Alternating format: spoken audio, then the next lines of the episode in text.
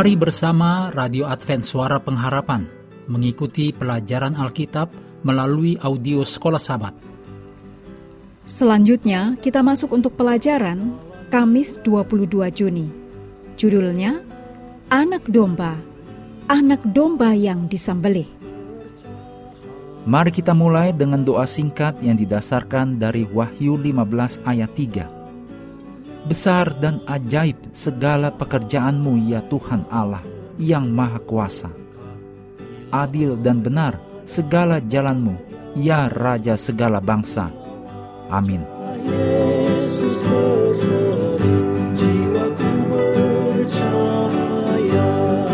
Ada banyak simbol dalam Wahyu. Simbol Alkitabiah yang penting, yaitu seekor naga di langit, dicatat dalam Wahyu 12 ayat 3, 4, dan 7. Malaikat terbang di tengah-tengah langit, Wahyu 14 ayat 6. Seorang wanita menunggangi binatang merah ungu, Wahyu 17 ayat 3, dan seterusnya. Berbagai simbol ini ada di dalam firman Tuhan. Roh Kudus mengilhami Rasul Yohanes untuk menempatkan berbagai simbol ini, dan masing-masing memiliki peran penting dalam mengungkapkan kebenaran kepada mereka yang membaca kitab-kitab ini dan melakukannya. Karena, seperti yang dikatakan dalam Wahyu 1 ayat 3, Berbahagialah ia yang membacakan dan mereka yang mendengarkan kata-kata nubuat ini, dan yang menuruti apa yang ada tertulis di dalamnya, sebab waktunya sudah dekat. Namun, ada gambaran lain yang muncul dan berulang-ulang di seluruh kitab Wahyu. Apa gambaran itu dan apa yang dilambangkannya?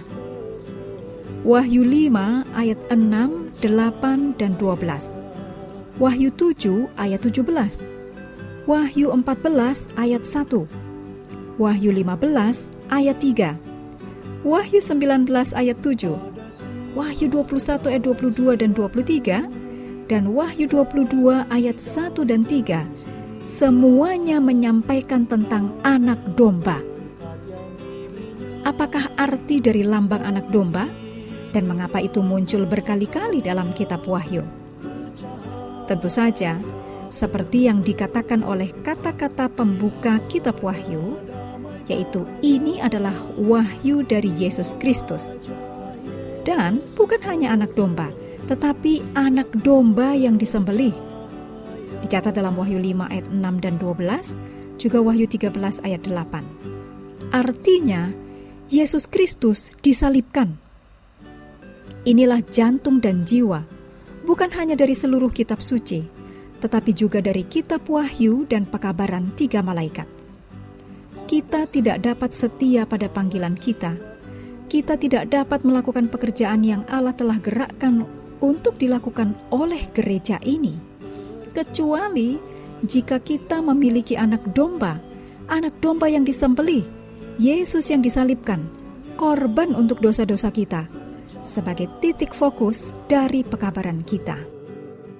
Berikut ini kutipan dari Engel Manuel Rodriguez dalam The Closing of the Cosmic Conflict, Role of the Three Angels Messages, halaman 70 kita harus dengan sengaja menempatkan anak domba yang disembelih di pusat doktrin dan misi kita dan di jantung setiap khotbah yang kita khotbahkan, setiap artikel yang kita tulis, setiap doa yang kita buat, setiap lagu yang kita nyanyikan, setiap pelajaran kitab suci yang kita berikan, dan dalam segala hal yang kita lakukan. Hendaklah kasih yang diungkapkan oleh anak domba di kayu salib – mengubah cara kita memperlakukan satu sama lain dan menggerakkan kita untuk juga peduli pada dunia. Itulah mengapa di tengah gambaran binatang yang berbahaya, naga yang berperang, malapetaka, penganiayaan, dan tanda binatang itu, ada bagian yang paling utama, yaitu anak domba. Anak domba yang disembelih. Dan hanya dia serta apa yang telah Dia lakukan untuk kita, sedang dilakukan sekarang, dan akan dilakukan sebelum semuanya berakhir. Dia, yaitu Yesus, yang pada akhirnya adalah inti dari pekabaran tiga malaikat itu. Memastikan bahwa anak domba yang disembelih tetap pada pusat pekabaran kita adalah penting. Tidak hanya untuk memimpin orang lain kepada sang anak domba, namun juga penting untuk kehidupan rohani kita sendiri. Mengakhiri pelajaran hari ini, mari kembali ke ayat hafalan kita Wahyu 18 ayat 1. Kemudian daripada itu, aku melihat seorang malaikat lain turun dari sorga. Ia mempunyai kekuasaan besar, dan bumi menjadi terang oleh kemuliaannya.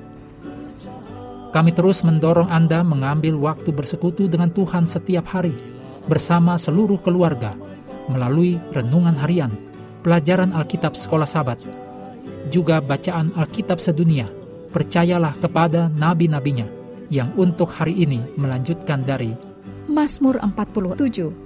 Tuhan memberkati kita semua.